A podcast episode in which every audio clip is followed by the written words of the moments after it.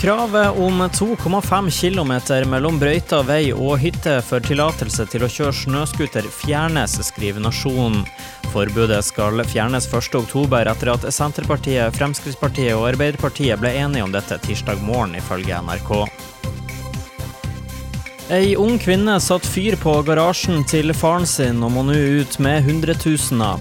Kvinna i 20-årene erkjente i Salten tingrett at hun forsettlig tente på garasjen. Under hovedforhandlinga forklarte hun at hun tok en drosje til farens bopel den aktuelle natta. Videre forklarte hun at hun helte tennvæske over søppel og papp i et hjørne av garasjen. Deretter antente hun materialet før hun forlot stedet. I tillegg mener retten at hun skal dømmes for flere andre forhold. I domslutninga står det at hun dømmes til ti måneders fengsel, og totalt må kvinner betale 879 919 kroner i erstatning og oppreisning. Flyselskapene i Norge vil heller ha påbud om å bruke munnbind om bord på fly enn den løsninga norske helsemyndigheter har bestemt seg for. Den nye smittevernveiviseren fra Folkehelseinstituttet sier at det beste tiltaket for å hindre smitte om bord er å blokkere midtsetene for å hindre passasjerer i å sitte for tett.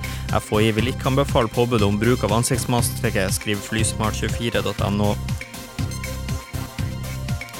Hamburgerkjeden Burger King rapporterte om et fall i omsetninga på 33% i mars. Kjeden ber om krisestøtte og forhandler om nedsatt husleie.